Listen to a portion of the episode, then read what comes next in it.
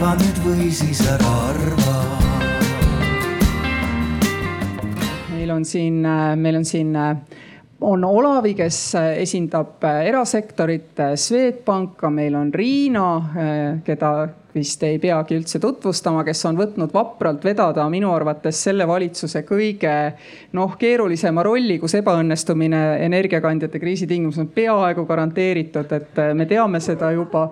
siis on meil siin kohal üks rohetiiger, nagu te näete ja siis on meil kohal ka Euroopa mõõde, sellepärast et nagu ikka on Eesti inimestel ju see kalduvus arvata, et see rohepööre on miski asi, mida Euroopa tahab, aga meie siin lihtsalt järgime ja läheme sellega kaasa et, et me võime selle üle natuke arutada, kas see ikkagi niimoodi on või ei ole.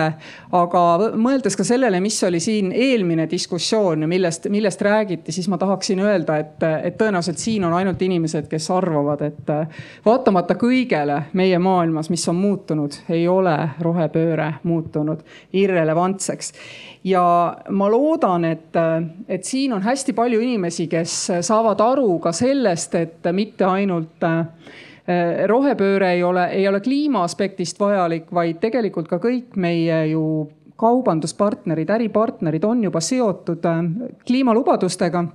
mis tähendab, et, et võib-olla meie suurepärased Eesti tooteid ja teenuseid keegi üldse ei taha mõne aja pärast, juhul kui me ei ole neid, neid roheliselt, roheliselt valmistanud. ja ma tahaksin öelda veel ka seda, et et mulle on teinud väga suurt muret ja ma kohe küsin, kas ka meie panelistidele see, et Eesti kipub olema passiivselt kliimaneutraalne. ehk et see, kes ise ei tee, aga loodab välisühendustele ja sellele, et keegi teine kuskil teeb, mis on ka õige. Soome paneb tuhat megavatti aastas, eks ole, maismaa tuuleparke ja noh, paneme Estlink kolme ja. aga, aga selle probleem võib olla see, aga ei pruugi, ma ei tea, võib-olla sa, Riina, tead, et see, kes on nagu selline passiivselt kliimaneutraalne, maksab ju alati kõrgemat hinda ja kontrollib kõige vähem seda, mis toimub. ja ja ma tahaksin veel juhtida tähelepanu ühele asjaolule. et tegelikult ei ole üldse nii, et roheenergiasse investeerimine on kallim kui pruuni energiasse investeerimine ja ei ole ka nii, et ei tule investeerida. sest vaadake, see ilus odav elektri hind, mida me oleme kõik nautinud, tuli ju suuresti sellest, et tootmisvõimsused nagunii olid juba ennast tasa teeninud ja müüdi põhiliselt muutuvkulude baasilt ehk et nüüd tuleb siin Skandinaavias ja Baltikumis nagunii ehitada ja mulle küll tundub, et ma ei tea, siin on spetsialiste, kes meile kohe ütlevad, et, et ega see ei pruugi üldse kallim olla ehitada lihtsalt rohelist. et ehitada tuleks ju nagunii. et ma ei tea, võib-olla, võib-olla alustamegi, see on ilmselt nüanss, millega siin kuulajaskond on nagu vähem tegelenud oma peas. et igal juhul on vaja tootmisvõimsusi uuendada ja igal juhul ei ole seda piisavalt meie regioonis tehtud. on siis kallim või on odavam roheliselt seda kõike teha? Praegu, mis puudutab energeetikat, siis kindlasti ehitada uusi tootmisvõimsusi eh, on eh, ilma igasuguse kahtluseta eh, taastuvenergeetika põhjal vähemalt neid, mis traditsioonilised on, ehk siis võtame päike, maismaatuul ja meretuul. Neid on odavam, kui ehitada näiteks traditsioonilist kõigile keskkonnanõuetele vastavalt siis põlevkivijaama see on, see on väga lihtne vastus, et nii see on, et kui meil oleks täiesti tühi plats, meil ei oleks mitte midagi olemas. meil oleks tühi väli ja me peaksime seal hakkama energiat tootma äh, ja meil ei oleks ka kaevandustel sealjuures, siis kindlasti on odavam taastuvenergiat ehitada, see on üks-ühene vastus. ja kui nüüd nende taastuvenergia omavahelisi variante võrrelda, siis just lõppes taastuvenergia oksjon äh, eile, üleeile, äh, mille tulemusena siis pääsesid turule kenasti päiksepaneelid. Ja miks nad pääsesid turule, sellepärast et nende installeerimishind on megavati kohta praegu ikkagi kõige odavam ja me tahaks küll näha tuult ka, aga kui päiksepaneelid maksavad megavati kohta jämedalt äh, seitsesada tuhat ehk siis null koma seitse miljonit, siis maismaatuul täna üks koma kolm ja meretuul üks koma seitse. väga lihtne, et äh, kui lihtsalt alginvesteeringuna vaadata, siis kui on natukene raha, ma teen päiksepaneelid, aga kogu riigi jaoks see päris hea lahendus ei ole, me peame ikka kõike tegema ja Riina, et, et minu meelest siin tuli kohe välja üks selline roheenergeetika, üks sõlmprobleem siin Eestis, et, et jah, päike on odav panna, aga ta töötab ju tuhat tundi aastas, tuul töötab vähemalt neli tuhat, merel ilmselt rohkemgi tundi nagu aastas. viis tuhat merel ja kolm tuhat viissada on siis no, praegu just. maismaal. et kuidas, kuidas sina ministrina näed nagu seda, et me, et me sellise parema miksi nagu saaksime siin Eestis ja, ja mis, mis üldse, üldse plaanis on või, või oled sa äkki hoopis seda meelt, et praegu on meil sõda ja muud asjad, et mis ei saa üldse rohepööret teha? viimasele küsi-, viimasele vastata on küll lihtne, et ei, et vaat-. jumal tänatud va. vaatamata sellele, et me räägime kriisist kriisi otsa ja olud on erakorralised ja, ja kiirkorras äh, rajatakse LNG äh, jaoks kaid ja toruühendust ja energiahüvitised tulevad ilmselt, et noh, kõik sellised justkui noh, ma ei tea, plaastrid või kiired paigad peale, et talv üle elada. aga see pikaajaline suund või siht see ei ole kuidagi muutunud. pigem mina näen nii, nagu tegelikult sissejuhatavates sõnades sa ilusti ütlesid, et äh, et see annab nagu hoogu juurde, et me, me näeme, et meil on vaja äh, taastuvenergia võimsusi välja ehitada, meil on vaja energiat juurde tuua ja noh, gaasist väljuda suure osa Euroopa jaoks, noh, see, see ootamatu hooga tuli gaasist väljuma hakata.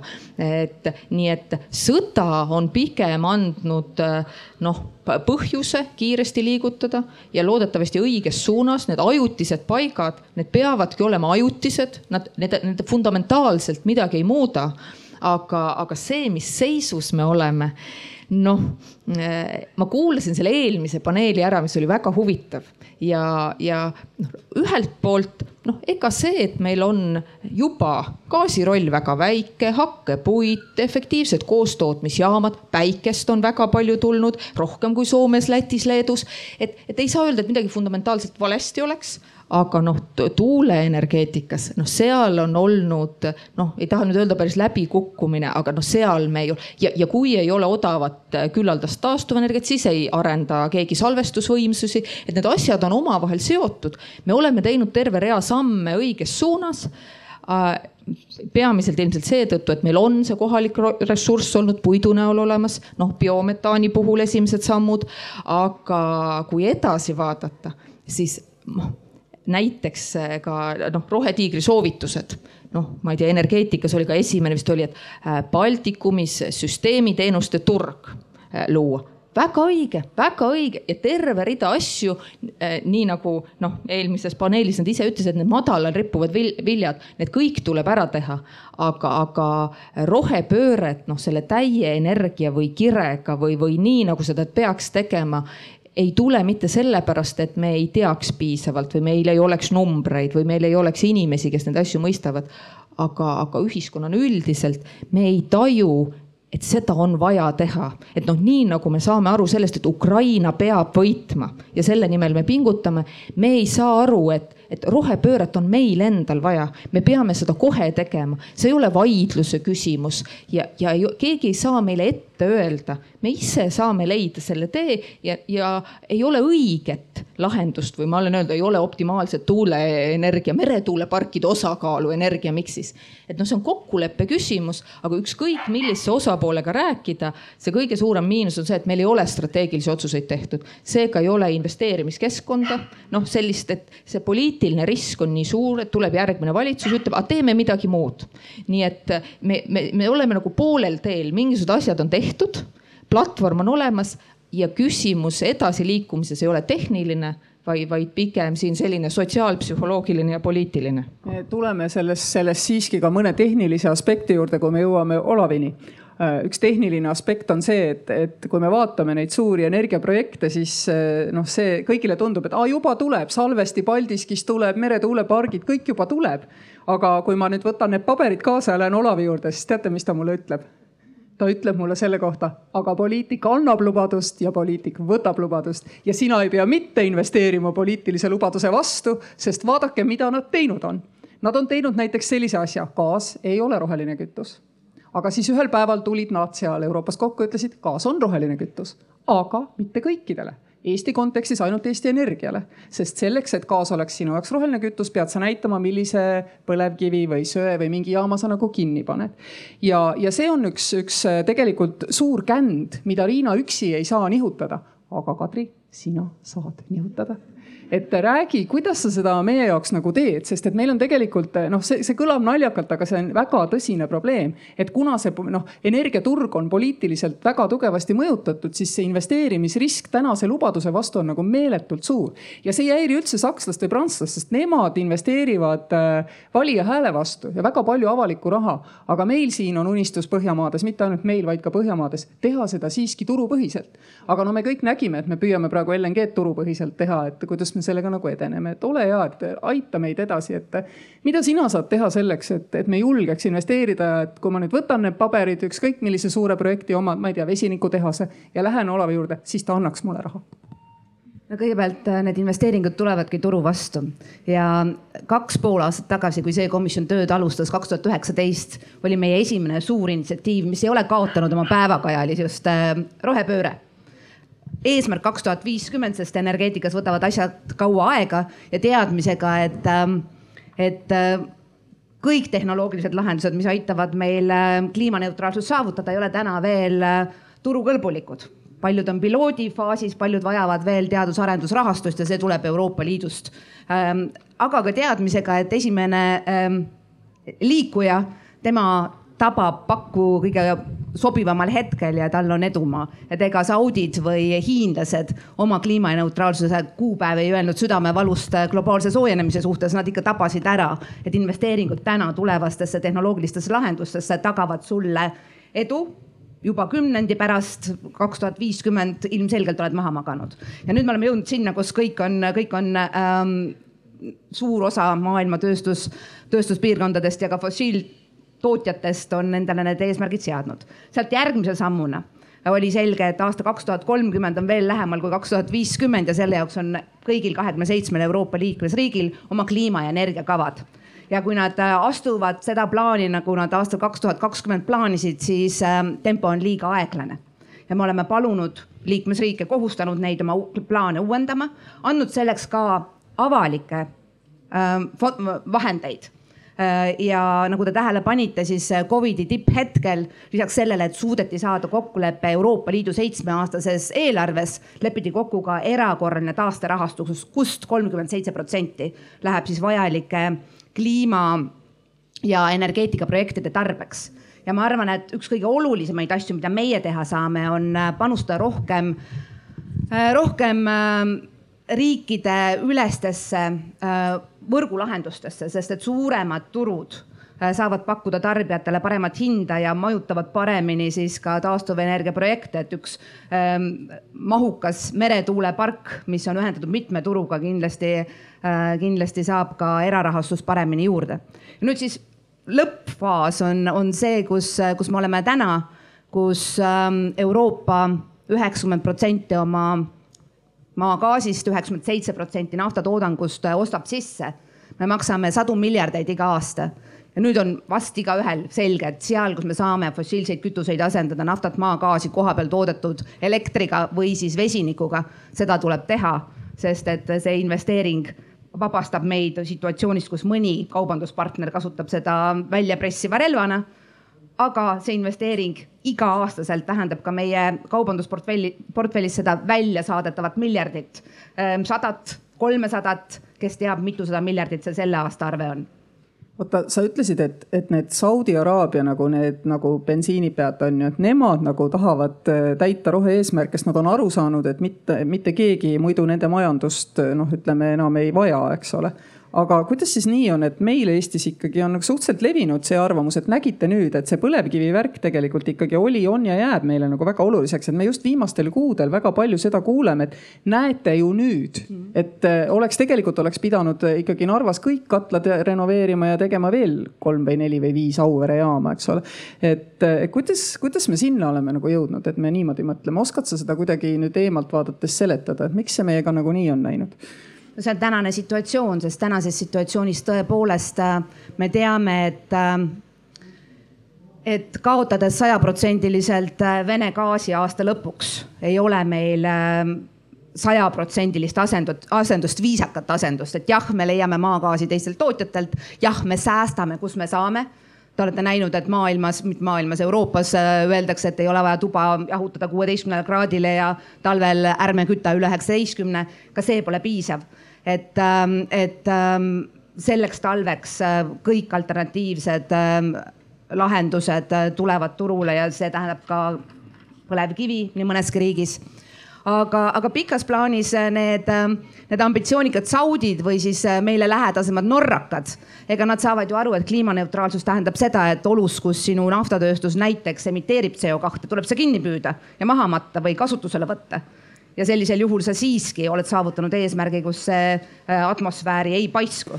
ja, ja see tehnoloogia täna on kallis aga samm-sammult äh, saab ka nagu küpsemaks ja, ja võib-olla lahendus. et nüüd saab rääkida raha kohe, aga ma enne lihtsalt ütlen, ütlen publikule, et, et Kadri ja Riina on nagu võtnud endale mõlemad täiesti võimatu missiooni, et Riina ütles, et me plaasterdame teie hingehaavad ja rahakoti augud kinni aga ärge võtke seda pikaajalise turusignaalina ehk et me ei tee seda kaua. ja Kadri ütleb, et, et rohepööre siiski tuleb, et, et kõik, kõik maailmas on sellest nagu aru saanud, et ilmselgelt noh me,, meiegi majandus sureb välja, kui me teda edaspidi rohelise energia peale ei jooksuta. aga noh, praegu on nagu see aasta, võib-olla järgmine on ikkagi väga hea, et on hästi palju nagu põlevkivi. et poliitiliselt on see täiesti võimatu, on sellist signaali nagu kohale viia tegelikult, et ma, ma, ma selles mõttes üldse teid, teid ei kadesta. aga noh, midagi ei ole teha kõik need, kes lubavad nagu mingite lihtsate loosungitega, et hästi lihtne on see lahendus, et noh, need tõenäoliselt ei ole, ei ole maailma komplekssust õigesti, õigesti aru saanud. lihtsalt tahaks, et te mõistaksite, kui raske on olla poliitik kahekümne esimesel sajandil, kes tahab, et rohepööre saaks tehtud. et äh, Olavi, raha ei ole, et mina siiski, ma kuulsin, et tuleb avalikke vahendeid, aga, aga nagu me ka kuulsime, siis peaks ikkagi turu vastu nagu tegema, et kumba siis, et kuidas me seda asja nagu teeme ja ja, ja mina küll olen kuulnud Eesti ettevõtjatelt, et tegelikult ikkagi, kui sa täna tuled ühe suure projektiga, eriti kui see on seesamunegi unistuste piiriülene, siis sa seda raha küll ei saa ja äh, raha ei ole maailmas otsa lõppenud ja, ja ootab meilgi välja laenamist iga päev, aga äh, raha väljalaenamisega on see paha lugu, et üldiselt on soov seda ka tagasi saada ja muud krediidiriski ei luba võtta järelevalved ega omanikud, sellepärast et keegi ei taha rahast ilma jääda. aga mis on siis need asjaolud, äh, mis siis meid häirivad nende pikaajaliste otsuste tegemisel?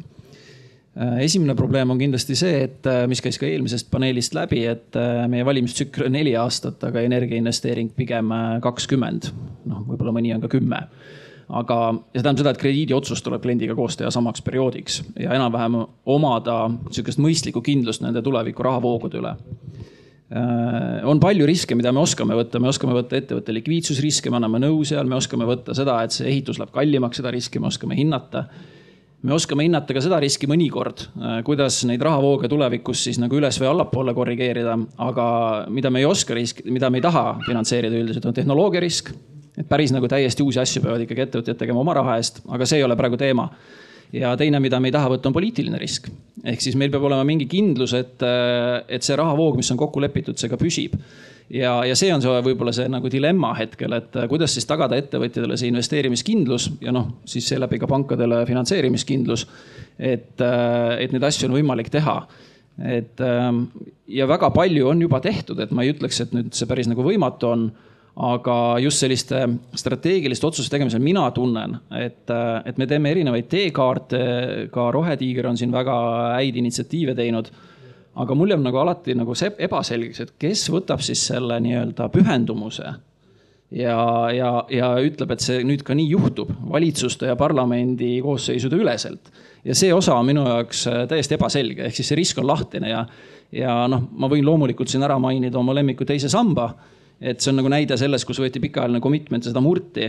ja see tegelikult on löönud äh, igatahes investoritele selle piirkonna suhtes suhteliselt suure äh, niimoodi usaldusmõra et kuidas saab usaldada äh, poliitilisi commitment'e või selliseid pühendumusi, kui need ühel hetkel ka ümber mõeldakse.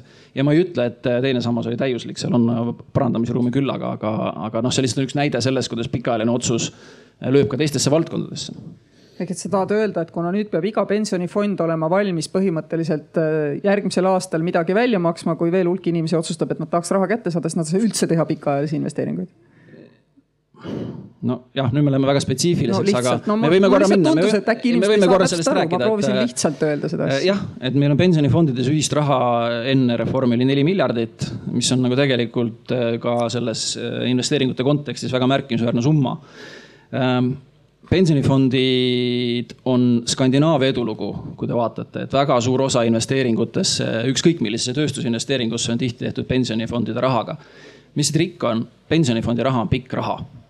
See on raha, kus on võimalik võtta ka kahekümne aastast ja kolmekümne aastast äh, sellist pühendumust äh, ja olla kindel, et seda raha ei voola enne välja. meil juhtus nüüd see paha lugu, et ma olen ühe investeerimisfondi Eesti suurima nõukogus ja ma pean korra kvartalis küsima juhatuse käest kuidas te olete valmis selleks, et toimub järjekordne pensionisambast välja rahavool ja pange nüüd ennast siis fondijuhi kingadesse, kes peab tegema investeeringu näiteks, äh, ma ei tea, mõnda LNG terminali, mõnda tuuleparki, mõnda päikseparki teades, et võib-olla kolme kuu pärast peab ta minema tagasi, ütlema, ma tahan oma raha tagasi, kuna pensionifondist läheb raha välja, nii et noh, mis ma tahan öelda, et selliste otsustega, mis me oleme teinud, oleme me löönud ka ühte sellise pikaajalisse ühiskonna rahastusmeetmesse Äh, noh, niimoodi jalad alt all tegelikult, et sealt praegu investeeritakse siis välismaa indeksfondidesse, et mm., et midagi, mida on võimalik likviidselt ja kiiresti maha müüa. tootluse mõttes pole hullu, aga Eesti majanduse mõttes on ikkagi päris pahasti. et äh, Jaanus, räägime tehnoloogilisest riskist, laseme selle poliitilise riski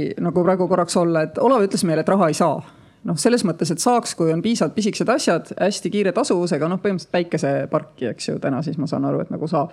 kuidas me selle tehnoloogilise riski nagu siis noh, kontrollime, mis meil on siin kõrgema tehnoloogilise riskiga projekt Eestis, eks ju, on. on vist seesamunegi Tallinna soojendamine ja jahutamine Utilitasel, siis vesinikutehas, siis on äh, Alexela salvesti, eks ole, Alexela salvesti no need on nagu kolm sellist suuremat mastaapset ja noh, sellist asja, mille jaoks no ei saa noh, ütleme seda tehnoloogilist riski me ei saa maandada. selles mõttes ei saa, et täpselt selliseid asju ei olegi maailmas liiga palju just tehtud ja kui on tehtud, siis mitte nii väiksel turul. ma toon siit äh, paar näidet oma endisest elust, äh, mis on siis pikalt olnud seotud põlevkiviga. ja kui siin põlevkivi korra jutust oli, siis ma kaks sõna ütlen, et äh, põlevkivi kasutuselevõtt nüüd see aasta põlevkiviõlina Äh, nagu te teate, Eestis toimub äh, ja ta toimub äh, lihtsalt huvi pärast ütlen teile, millises mahus. Näiteks tänasest siis, kui võtta kütteperiood umbes kaksteist kuud, selle, selle aja jooksul siis tuleb Eesti turule umbes üheksakümmend tuhat tonni põlevkiviõli. võrrelduna sellega, et kaks aastat tagasi oli see kogus umbes neli tuhat. Ja kui ma nüüd Rohetiigri kontekstist ja keskkonna kontekstist ütlen, siis üldiselt see ei ole hea aga kui võttes arvesse, et meil on praegu sõda, siis ma täiesti äh, ütlen ausalt, et see on täiesti okei meede selleks ajaks. ja äh, ükskõik, kui keegi tahab öelda, et mu tõekspidamised praegusel hetkel pole õiged, siis praegu ka maailma olukord pole õige, sest sõda äh, väärib teisi kaarte lihtsalt, millega mängida. aga ma ütlen teile, et see kogus asendab umbes äh, kolmkümmend protsenti sellest gaasist, mis praegu Eestis kasutati, sellepärast et selle kütteväärtus on, selle põlevkivi kütteväärtus on üks teravatt-tund ja meil selle aasta äh, sihuke kasutusprognoos või õieti kasutusprognoos jälle augustist järgmise aasta augustini on ainult kolm ja pool teravatti. ehk siis see on juba kolmkümmend protsenti väiksem, ehk siis Eesti on selle eesmärgi, et miinus viisteist protsenti kindlasti täitnud. et see oli sihuke märge selle põlevkiviõli kohta ja põlevkivitööstuses oli äh, omal ajal ajal ma olin eraettevõttes eh, väga pikalt ja kõik projektid, mis me tegime, olid one of the kind ehk siis finantseerimise koha pealt lootusetud, täpselt see, mis sa praegu Kersti ütlesid. täiesti tehnoloogiliselt lootusetud. mis asja, te hakkate seal tegema tahkekütusejaama gaasikütuse peale ümber. mis asja, tahate põlevkivist bensiini teha, mis asja tahate põlevkivist eh, rafineerida, gaasist võtta välja neid, seda pole mitte kunagi tehtud. mitte kunagi, et projekti peale kindlasti raha ei saa. ja ainuke meetod, kuidas sai, oli, oli väga lihtne, sa võtsid ettevõtte rahavoo vastu laenu ja ettevõte muidu oli nii tugev, et äh, ta sai siis äh, seda, seda raha, raha vastu. Ja oligi kogu lugu, tehnoloogiline risk maandatud praegu, eh, kui me räägime nendest tehnoloogilistest eh, suure riskiga projektidest, mis on Eesti jaoks niivõrd mastaapsed, kus ettevõttel näiteks sellel samal Paldiski hüdropumplal ei ole kõrvale panna sihukest rahavoogu, mis ta põhitegevusest oleks näiteks noh, üheksakümmend protsenti ja pumpla kümme protsenti, loomulikult raha ei tule sellisel moel. ja siis peabki, kui see on riigi jaoks oluline, peab tulema riigi poolt eh, garantii, kas regulatsiooni või siis näiteks käenduse või gar ja garantii arvel, aga tegelikult kõige parem, kui kaks neid koos ja tegelikult riik selleks vaesemaks. Et sellest tuleb aru saada. Ja see meetod ei ole nüüd nii keeruline, et seda ei saaks teha poole aastaga. et tegelikult see on tehtav. Ja siis äh, pangahärra on juba hulka rõõmsam, sellepärast et tema paneb oma linnukesed sinna kohta, kuhu tarvis on ja asi korras nii, retsepti me saime, Riina, Kadri, et kumb teist tahab aidata tehnoloogilist riski nagu maandada, et, et kui ma mõtlen, siis Euroopa rahakott vist on suurem, et on teil mõni hea idee, kuidas me saaks Eestis need suurte projektide tehnoloogiariskid teie toel?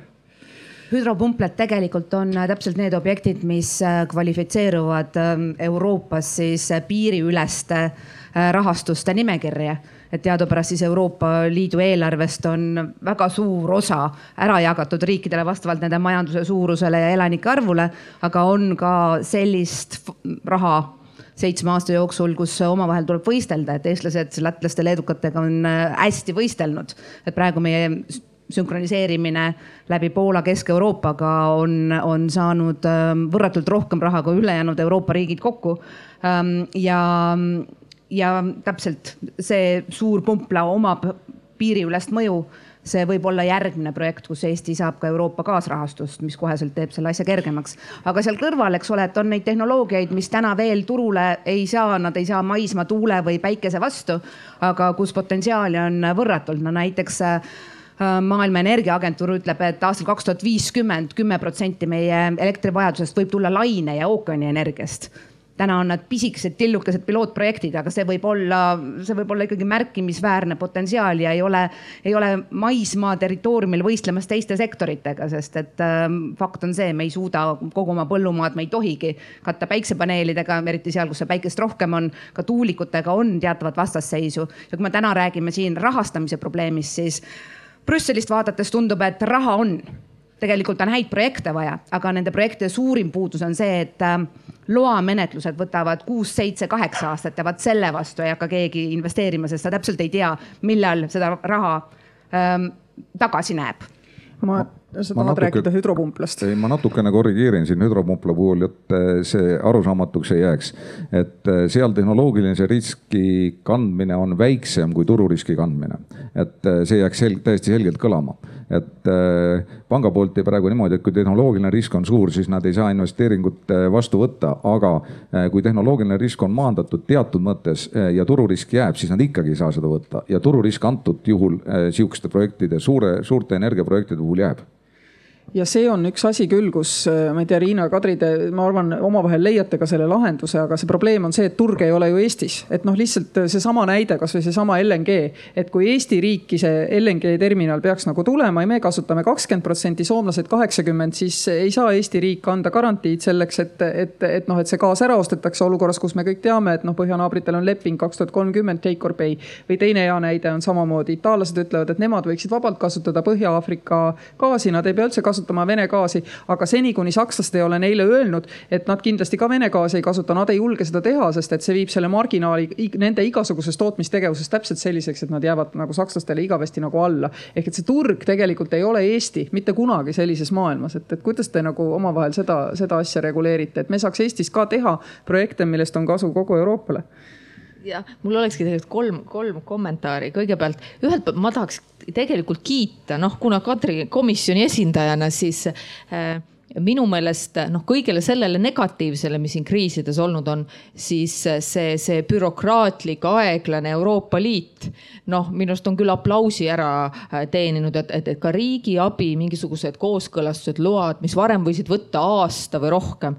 no nüüd nädalaga saab vastuse, olen kuulnud ka kahest päevast, et, et tegelikult see valmisolek reageerida, arusaamine sellest, mis olukorras me tegelikult oleme ja miks kiireid otsuseid vaja on, noh, see on, see on nagu kohal, et see partnerlus, ma arvan, väga paljude liikmesriikide jaoks on, on paranenud, jõudnud mingile uuele tasemele või kvaliteedile ja, ja äh, noh, täpselt, kui ma mõtlesin, et mida täna paneelis rääkida, siis minu jaoks palju olulisemad kui, kui eh, teravatt-tunnid või, või miljardid eurod. noh, tegelikult on see tõesti see ühtne energiaturg, noh elekter on, on nii ideaalne turukaup, nii hästi liigutatav ja vahetatav, noh gaas samamoodi. ta on nii universaalne, ma olen toonud paralleeli vaimse tervise teenusega, et no proovige defineerida nüüd, et mis see teenus on, mis see tulemus on, kuidas me seda kirjeldame.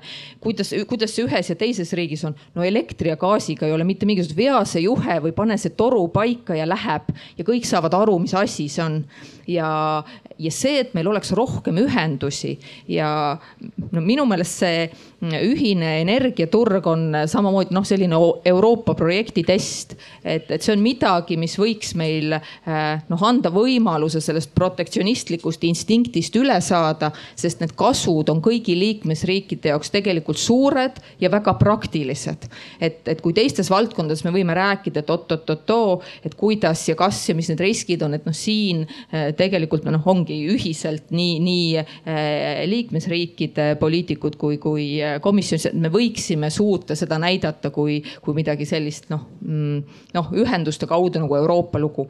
siis tehnoloogilise riski maandamise juurde noh, lisaks sellele, et äh, noh, me oleme selline to toetuste riik või me oleme harjunud, on need investeerimistoetused või midagi muud, aga et, et ka riik noh, võtaks rohkem riski, kasutaks käendust või, või eh, noh, instrumente, mille puhul see võimendus, eh, see investeering, mille sa saad siis eh, lõpuks turule viia, see on nii palju suurem, kui sa ühegi toetusega suudad teha. nii et selliste nagu tarkade instrumentide kasutamine ka riigi poolt, mis ühtlasi tähendab riski võtmist. ja mul on viimaseks, mul on väga hea meel, et Olavi sai ennast välja elada teise pensionisamba teemal. sest ma oleks ise tahtnud seda teha, ma olen natuke kade, mul, mul on tunne, et teise pensionisamba lammutamine muutis noh, Eestis midagi fundamentaalselt. nii me, me ei saa sellest veel aru, et noh, näiteks äh, patsiendikindlustus, mis varem oli parim, oli eralahendus. noh, needsamad kindlustusfirmad, konservatiivne äri kes on pidanud oma portfelli andma üle Sotsiaalkindlustusameti, sest nad ei suuda maandada riski, kui eluaegselt sõlmitud lepingutest saab seaduses sätestatud äh, reeglite põhjal äh, väljuda ja leping seda ette ei näinud et noh, nüüd öelda neile, et aga tulge Eesti turul mingi uue tootega sotsiaalvaldkonnas, no, no kuulge, noh, no me mõtleme selle peale. ja noh, täpselt samamoodi eh, teistes valdkondades needsamad pangad, eh, kes, kes nägid, kui rumal on see kiirkorras tehtud otsus teise samba puhul, sa palud usaldada riiki, et aga see energeetikaplaan, mis meil on, sinna te võiks hakata kõvasti raha sisse panema, sellega ei juhtu midagi.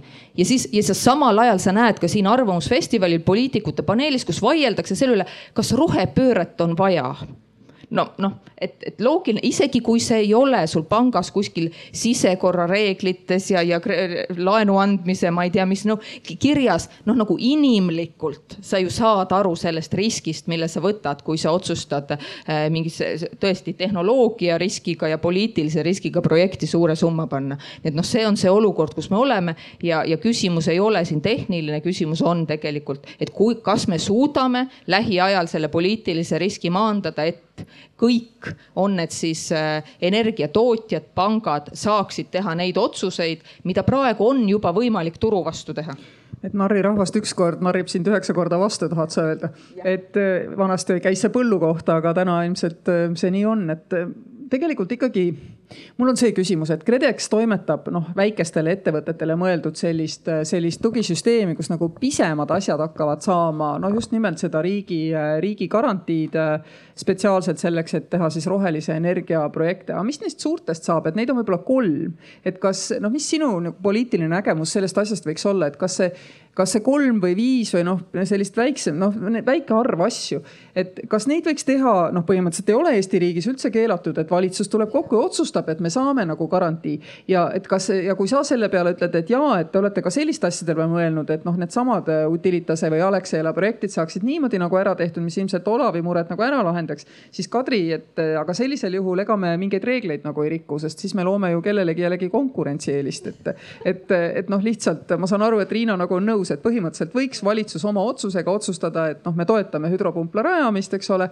väike tehnoloogiline risk seal tegelikult on lihtsalt noh, nendele, kes ei tea, et kui üldiselt maailmas tehakse hüdropumplaid nii, et enne vesi üles ja siis üle turbiini alla, siis kuna meil see üleskoht puudub, siis meil on niimoodi, et, et vesi enne üle turbiini alla auku ja siis pumpame ta nagu tagasi. et noh, ütleme minule ausalt öeldes tundub see jumala sama lahendus, aga ma tean, et, et inseneridele üldse ei tundu. et, et seal on see tehnoloogiline risk tegelikult olemas. aga Kadri, kas me rikuksime mingeid reegleid või anname Utilitasele noh, teine salvestusmeetod vesinikutehase jaoks nagu riigi, riigi garantii?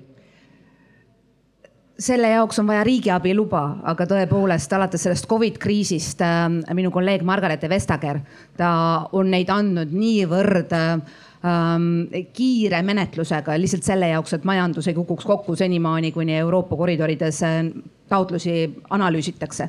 ja, ja mitmed erinevad projektid on saanud riigiabilubasid, no ma arvan, et üks kulukamaid on olnud näiteks Saksa riigiabi, kus ta andis pruunsütt kasutavatele elektrijaamadele abi, et nad ennast kinni paneks aastaid ennem tasuvusaja kättejõudmist. see oli miljardid. oot-oot, nad said selle raha ja nüüd nad teevad ennast sellel suvel uuesti lahti? see tähendab, et nad ei saanud seda raha veel kasutama hakata, aga neil oli luba maksta nendele investoritele see kulu kinni selle eest, et te arvasite, et te teenite veel kolmkümmend aastat, aga me ütleme, et äh, söe, söest loobumine toimub varem. ja, ja üldiselt on siis nii, et ähm, ähm, sa küsisid, et kuidas me saame anda pikka perspektiivi investoritele. kui Eesti oli Euroopa Liidu eesistuja, siis meie eesistumise ajal lõpetati elektrituru disaini reeglite ähm, mm, regulatsioon ja, ja praeguses kriisis igal pool Euroopas küsitakse, et aga kas me võiksime siin kriisi tipphetkel teha midagi, mis annab meile elektrit sama odavalt kui kaks aastat tagasi. ja mina olen sügavalt veendunud, et selles hetkes ei ole õige avada muidu hästi töötavat äh, töötavat disaini, mis on aidanud aasta-aastalt rohkem taastuvenergia projekte turule, sest et nad teavad, et nende investeering tasub ennast, tasuvusaeg on lühikene ja näiteks selle pealt, mis täna toimub äh, elektriturul läbi Euroopa, teame me, et me võime küsida liikmesriikidelt, et äh, kahekordistage oma päikesepaneelide mahtu, kahekordistage aastaks kaks tuhat kakskümmend viis kolmesaja kahekümnele gigavatile. Ja nad teevad seda. Või siis meretuuleparkidega, see, mida me kaks aastat tagasi julgesime lubada Euroopale meretuuleparkides sellel kevadel. neli liikmesriiki, Saksamaa, Holland, Belgia ja Taani kirjutasid alla, et nad teevad ise kahe tuhande kolmekümnendaks aastaks kõik, mida me ootasime Euroopa kahekümne seitsmelt. nii et ähm, kuidas nad teavad, et, et tulu jääb tulema, nad teevad pikki lepinguid. see on, äh, see on Euroopa regulatsiooniga lubatud ja, ja kui me paar aastat tagasi mõtlesime, et see on äkki mingi abiskeem, et mõni elektritootja saab teada, et ta kogu aeg teenib, ma ei tea, viiskümmend ähm, kui on tunde, palju tunde, kus elekter maksab null, siis nüüd me teame, et, ähm, et ähm, tõusud ja mõõnad tasandavad selle ära, et meie eesmärk on, et isegi siis, kui taastuvenergia toob kaasa kõikuvad elektrihinnad, see keskmine oleks madalam, kui ta on täna, märkimisväärselt madalam, aga ta jääb kõikuma. Jaanus ma küsin siinjuures, et pika lepingu võib ju teha ka riigiga. Ja just nimelt. see on täiesti lubatud. et see, et oleks selge ja see on see, millest mina rääkisin, et kui Eesti riik võiks anda garantii strateegilistelt olulistele energiaprojektidele, mida ei ole palju, võib-olla mitte kolm ehk, ehk kuus-seitse, aga, aga tõesti mitte palju ja, ja see ongi see turukindlus, millega saab minna pangahärra juurde ja, ja uksed on teistmoodi lahti. et tegelikult ainult sellest käendusest läbi KredExi ei pruugi viisata, et turu, turukindlus sellisel moel, et on riigiga äh, leping, mis on väga pikaajaline, toob selle asja turule. Ja tegelikult see äh, ei ole pealemaksmine, ma ütlen nüüd ise ka tarbijana, et see ei ole pealemaksmine, kuna see, kui sa natukenegi perspektiivis vaatad seda tulevikku, mis energiahindadega toimub, siis see leping riigiga ei ole mitte maksumaksja raha peale maksma millegi eest, et see on parem asi kui näiteks alguses investeerimistoetus, mis on tõesti kohe siis ära antud raha. ma ei ütle, et seda vaja ei oleks, aga see on parem asi ja pealemaksmistega ja toetustega on üldse nii, et, et need tulevad ju kuskilt ja millegi arvelt ja, ja kaasa arvatud seda, kui me see talv ootame kõik käsi pikal, et riik maksaks meie energiatarbimist kinni, siis selle asemel me peaksime igal juhul vähem tarbima. aga kuna näiteks kevadest eh, kuni siis suveni Eh, vaatamata sellele, et eh, ajakirjanikud haipisid üles, et energia hind on nii kallis, et kõik, kõigil on jumala häda käes. siis tegelikult tarbimisstatistika ütleb, et me ei tarbinud mitte üks teps vähem, vot see oli mulle suureks üllatuseks. elektrit me tarbisime sama palju ja sel lihtsal põhjusel, et me läksime käsipikas riigi juurde, riik maksis selle kinni. ja idee järgi pikas perspektiivis on see väga vale järgmisena räägivad Riina ja Olavi meile, kuidas kõik Eestis asuvad korterelamud saavad eh, ära renoveeritud, aga seni, kuni te omavahel kooskõlastate, mida keegi ütleb, senikaua räägib Kadri meile sellest natuke, et vaata selle riigi abiga on üks väike probleem, meie riik on tilluke ja kõik need suured kelmid, need suudavad palju rohkem riigiabi välja käia, kui nagu meie riik suudab, et sellepärast meil on selline unistus, Kadri, et äkki, äkki võiks olla, kuna energiaturg on ühtne ja rohepööre on meie ühine nagu eesmärk. et kas, kas, kas ja kui palju on meil põhjust loota nagu sellele, et, et Euroopa Komisjon, noh, kellel nüüd on ka tekkinud laenuvõime, eks ole, et, et me saame neid abisid või pikki lepinguid või, või nagu, nagu, nagu teiega seal Brüsselis teha, et, et noh, lihtsalt seepärast sul on suurem rahakott kui Riinal no ainult sellepärast, muidu muidugi teeks Riinaga see on hämmastav jah, et Eesti jaoks on Euroopa rahakott väga suur ja, ja, ja. Nad on üks protsent Euroopa Liidu majandusest, tavaline eelarve on kolmkümmend kuni viiskümmend, noh lihtsalt. aga meie jaoks on suur. meie jaoks on ta suur äh, nagu Euroopa kahekümne seitsme jaoks äh, suurte riikide eelarve siiski äh, on suurem kui, kui Euroopa see üldine, üldine pott. aga ähm, kaks aastat tagasi, kui oli Covidi tippaeg ja me võtsime selle taasterahastu vastu, siis kõik liikmesriigid olid huvitatud äh, toetustest, toetuste osast, mille Euroopa aastast kaks tuhat kolmkümmend kaheksa hakkab ise tagasi maksma siis oma tulude arvelt. aga seal oli juures ka veel kakssada ähm,, ligi kolmsada miljardit laenu äh, mida siis Euroopa oleks võtnud nullintressiga, aga liikmesriigid ise oleks pidanud aastast kaks tuhat kolmkümmend kaheksa tagasi maksma ja kujutage ette, et väga palju liikmesriike arvasid, et ei, me seda laenu ei võta, me ei vaja seda ja nüüd see on tegelikult ainukene puhver, mis annab meile võimaluse öelda, et nüüd on siin rida liikmesriike, kes laenu ei soovinud see ei ole teie ähm, nagu statistikas kajastatud, nii et kõik need riigid, kes on ennast võtnud juba üle kuuekümne protsendi, nad ei kannata sellest, see on Euroopa laen. ja nad saavad seda siis kasutada tõepoolest äh, nii taastuvenergia projektideks, aga kõige kuumem teema on hoonete renoveerimine, sellepärast et kuuskümmend protsenti meie aastasest gaasitarbimisest Euroopas läheb hoone soojustamisesse. ja, ja fakt on see, et, ähm, et ka aastal kaks tuhat viiskümmend, kui me tahame minna üle igal pool, kus me saame taastuvenergiale, siis äh, säästmine on äh, võtmetähtsusega, et meil, meil ei ole võimalik kõike seda naftat, kõike gaasi asendada elektri ja, ja vesinikuga, et see ei ole tehtav. ja see on üks raskemaid vaidlusi, Riina võib kinnitada energiaministritega, sest nad ütlevad, kui kõik on juba roheline, aga mida me säästame aga noh, paraku, paraku see on, see on see asi, äh, mida, mida teha tuleb ja, ja õnneks nüüd need laenurahad, mida hakatakse kaks tuhat kolmkümmend kaheksa tagasi maksma, on, on kuum kaup. Ja, ja me võime siis eeldada, et ehitussektoril ja eriti renoveerijatel on, on äh, kõvad, kõvad tööajad ees õnneks nad kasutavad kohalikku toorainet, nad loovad töökohti igal pool.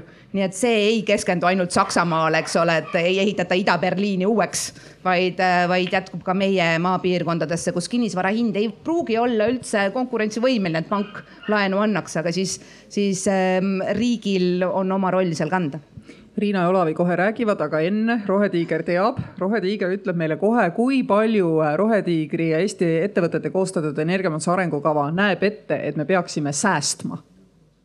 Äh, säästma me peaksime tegelikult rohkem, kui see meie praegune energia plaan ette näeb, et säästma peaksime rohkem, aga äh, kuni aastani kaks tuhat nelikümmend ilma eriliselt ennast lõhki tõmbamata sihuke kakskümmend protsenti, kakskümmend kuni kakskümmend viis protsenti kogu primaarenergia tarbimisest eh, saab moel või teisel eh, ja meetodite kombinatsioonina kenasti eh, kokku tõmmata. aga me kirjutasime seda enne sõda ja seda saab teha kiiremini ja seda saab teha niimoodi, et aastaks kaks tuhat kolmkümmend äh, on äh, kuskil viisteist protsenti kindlasti üldine energiasääsk saavutatud. aga mul on väga hea meel, et Kadri selle säästuteema tõi äh, ja mul on väga hea meel, et ka Euroopa Komisjon pole seda unustanud ja Repower of Europe näeb ette suuremad eesmärgid, kui oli Fit for fifty five ja mul on selle üle ainult hea meel. aga tegelikult Eesti teeb ehk natuke rohkem isegi. Äh, ja alustama peab mitte sellest, et miks, et me toodaksime nii palju, kui me iganes tahame ja suurendame tootmist selle eesmärgiga, et elekter oleks odav, energia oleks odav ja siis tarbiksime täpselt nii palju, kui äh, meile pähe tuleb. või siis veel parem variant on ju see et ei suurenda tootmist ka, aga lihtsalt küsime riigi eest juurde, et kui energia on kallis, et siis makske meile peale, et me saaksime ikkagi tarbida nii palju, kui me tahame. see kindlasti ei ole õige vastus, õige vastus on ikka see, et ökonoomsematele lahendustele minna. ja kui eh, siiamaani on olnud fookus võib-olla eh, ka juttudes ja toetustes selles, kuidas energiat toota, siis eh, nüüd teil kindlasti on just see, et kuidas säästa et kuidas säästa ja, ja toetada seda, kuidas säästa ja kuidas toota enda juures ja tarbida enda juures.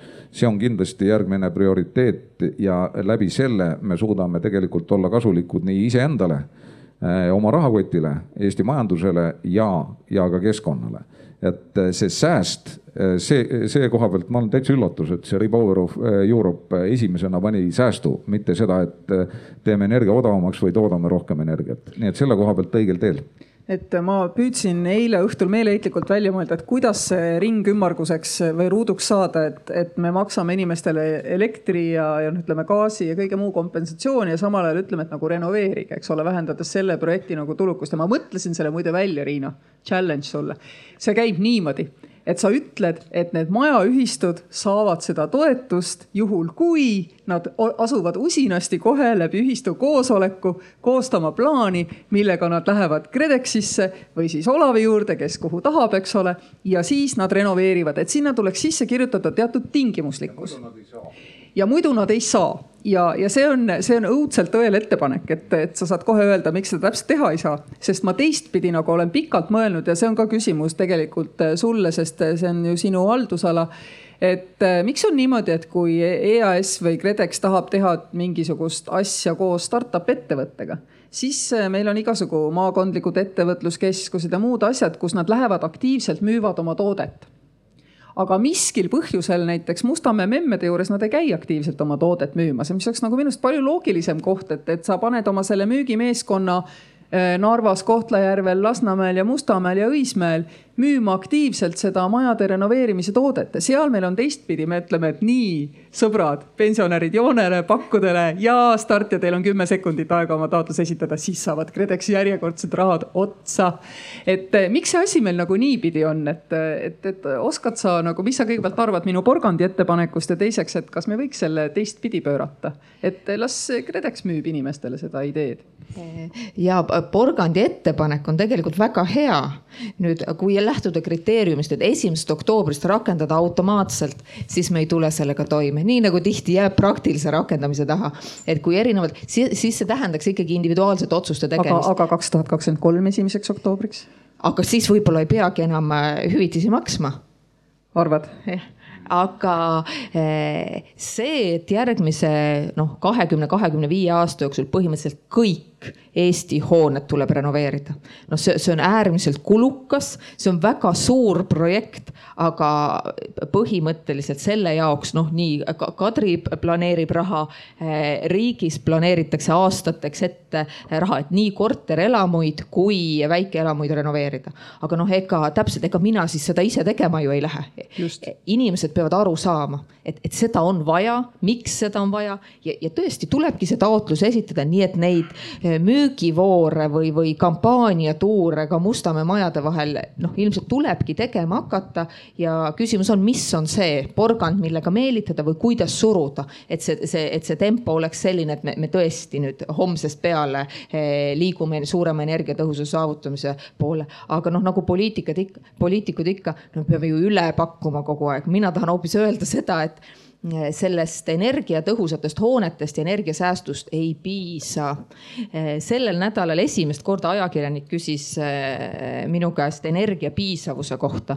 ma eestikeelset sõna kuulsin esimest korda, noh energy sufficiency või noh, viitab sellele, et noh, meil ei olegi vaja ju nii palju tarbida, et lepime sellega, mis on ja, ja pigem säästame nii energiat kui kõike muud, mida me siin oleme harjunud tarbima ja, ja noh, küsimused olidki stiilis, et noh, aga et noh, mis te teete ja millal see rakendatud saab ja millal no. energiapiisavus rakendub Eestis? ja, ja, ja siis ma vii, väga viisakalt vastasin ka, et olukorras, kus me vaidleme selle üle, kas rohepööret on vaja teha, öelda inimestele, et heaolu kasvu edaspidi ei toimu. et noh, me oleme sellest veel nii mitme sammu kaugusel, aga noh, tegelikult ju tulevikku vaadates Fit for 55-i aluseeldus on heaolu kasv kogu Euroopas noh, sellepärast, et see on see, millega motiveerida liikmesriike ja, ja noh, inimesi neid muutusi tegema, et, et noh, midagi ei lähe halvemaks, midagi ei võeta ära, heaolu kasvab, rohepööre avab meile majandusvõimalused aga kui mõelda ka Lääne-Euroopa elatustaseme peale, mis aastani kaks tuhat viiskümmend kasvab. et, et mis see heaolu siis on, kellel seda vaja on? Et, et noh, see läheb, läheb nagu teistmoodi juba noh, liialdamiseks. Ja, ja tõesti seda äh, heaolu kasvani aasta kaks tuhat viiskümmend on võimalik saavutada rohelise energiaga aga see koormus keskkonnale mingil määral ju eh, endiselt kasvab. igasugune energia tootmine on keskkonnamõjuga, et noh, ükskõik, kas see on siis õhusaaste või, või astmajuhtumid laste seas Ida-Virumaal või on need, eh, ma ei tea, häiritud kalad või merekeskkond või, või ka tuuliku tootmiseks kulutatud ressurss. see mõju on seal olemas, me peame kaaluma, et kus see kahju on väiksem või mis on meie jaoks otstarbekam. aga, aga suurendada energia tootmist tootmist noh lõputult praeguse teadmise ja tehnoloogilise taseme juures ei ole mõtet. nii et noh, kui me saame need Mustamäe korterelamud nüüd renoveeritud ja motiveerime inimesi seda tegema, hooned on er energiatõhusad, meil on roheline eh, mm, elekter et noh, kas me siis jõuame, huvitav nende aruteludeni, et, et millest, et millal meile sellest piisab või millest meile piisab ja kuhu me joone tõmbame? et äh, ma, ma teen seda ise ka, noh, poliitik ikka teeb seda, et ta annab nagu pika vastuse, siis läheb kõigil meelest ära, et ta küsimusele tegelikult ei vastanud. et ähm, mu mure on, mu mure on tegelikult hoopis ikkagi selles kohas, et äh, meil on hästi palju sellist noh, tõesti taotlusvooru põhist, meil on ka eramajade renoveerimistoetus ja meil on kortermajade renoveerimistoetus. aga olgem selles osas nagu ausad, need, kes kes sinna voorudesse jõuavad taotlema need on tegelikult noh, veel kord selle meie, meie süsteemi noh, nagu ütleme, veast võitjad, et me tihtipeale doteerime siin riigis paremini toimetulevaid inimesi.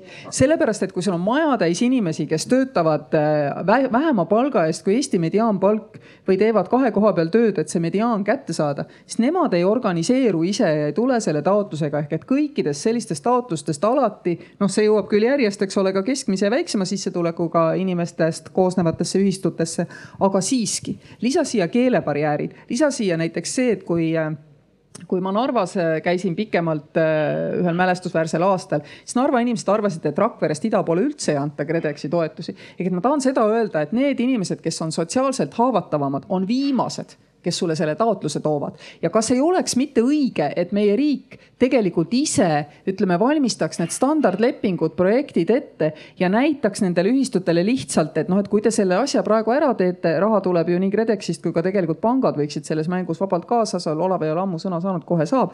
et, et, et siis, et siis oleks nendel inimestel nagu võimalik sellega kaasa minna. et kui on standardleping, standardpakkumine ja, ja tuleb, eks ole, noh, ütleme linnavalitsus tuleb selle paberiga, ütleb, vaadake, kallis ühistu, teie naaberühistu tegi seda ja, ja, ja teine ühistu ka tegi. ja kui te siia alla kirjutate, siis saab see asi teil nagu tehtud.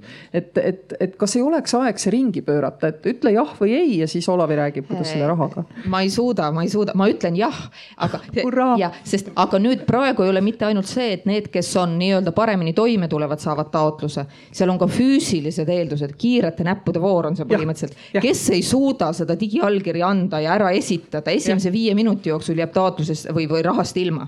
et no ühelt poolt on hea, et, et äh, need taotlusvoorud on nii populaarsed, et on näha, et nõudlus ja soov on olemas, aga kahtlemata sellega me saame väiksema osa korteriühistutest ja eramaja omanikest kätte. et, et seda, et kõigini jõuda ja võib-olla need kohad, kus võit oleks suurem, kus majad on vanemad, olukord on kehvem, et, et nendeni jõuda, seda tuge on palju rohkem vaja. Ja, ja noh, see on tõesti märkimisväärne, Rakveres on kõik kortermajad renoveeritud ja, ja ägedalt tehtud ikkagi kujundajaga, sarnased toonid, hoovialad ja Ida-Virumaal vist ei ole ühtegi veel. päris nii ei ole, Narvas mõned majad ikka nüüd, nüüd juba on, aga, aga see on tõsine probleem ja, ja see oli nii, nad ausõna nad arvasid, ma ei tea, kes neile seda on öelnud, aga mul on põhjust kahtlustada võib-olla, et, et võib-olla see meie ja nemad ja, joone ja. esindajad nagu seda seal niimoodi müüsid. aga, aga Olavi, kui ma täna nagu tuleb, ütleme, jäin nobedate näppude voorus jälle alla nagu ikka, et ja tulen siis panka ütlen, et noh, lõppude lõpuks energiatõhusus, et kas siin on teie jaoks nagu ärikaasus olemas või business case nagu tuleb välja või ei tule ikka kokku, et, et noh, põhimõtteliselt me ju teame, energiahinnad on nüüd juba nagu meeletud, eks ju, noh ehitushinnad tõsi ka, aga vist energiahinnad on tiba meeletumad. et, et kas täna on realistlik, et, et ühistu tuleb panka ja, ja saab selle laenu ja saab selle, selle asja tehtud jah, nüüd selgub, et me elame vist täitsa erinevates ühiskondades, et äh, mul on üks paarisaja miljoni eest korteriühistute laene. väga hea, nii et me julgustame äh, korteriühistu laenud on juba aastast kaks tuhat tegelikult suhteliselt äh, populaarne toode. ja need laenud on ilma KredExi, ilma mingi seal on selliseta. tihtipeale intressitoetus ajalooliselt no, no vot, see ongi see, ma just küsin, kas te puhtalt ka nagu teete nagu,? sest noh, küsimus on lihtsalt selles, et Äh, riskil on hind ja see on see, mida me oleme kohustatud ka regulatsioonide järgi tegema. see risk nüüd ei ole mitte alanenud, vaadates, mis energiahindadega nagu toimub, et eks äkki. No, tagasimakse risk on endiselt, et kui sul korteriühist inimesed ei suuda tagasi maksta, siis sellega tuleb tegeleda ja siis sellepärast on see laenu intress veidi kõrgem ja see, et see intress oleks taskukohasem, siis on kokkulepe aga, aga energiasääst ju see kokkuhoid, mille nad saavad täna on ju veelgi võimsam, et, et no. kindlasti, ma arvan, ühiskonna mõttes äh,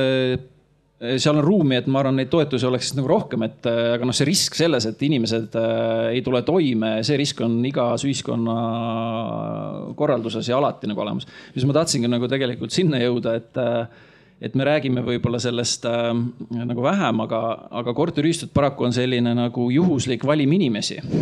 ja nende seas tihtipeale selleks, et korteriühistu saaks laenu võtta, peavad korteriühistu üldkoosolek tegema otsuse ja sa kujuta ette, me käime päriselt müümas seda toodet, me käime, me käime Mustamäel ja Lasnamäel ja, ja, ja väga tihti see müük lõpeb sellega, et kogu juhatus on nagu seda meelt, business case kuldne, arved lähevad väiksemaks mm. -hmm ja Just. siis tuleb kokku üldkoosolek ja hääletatakse mõte maha.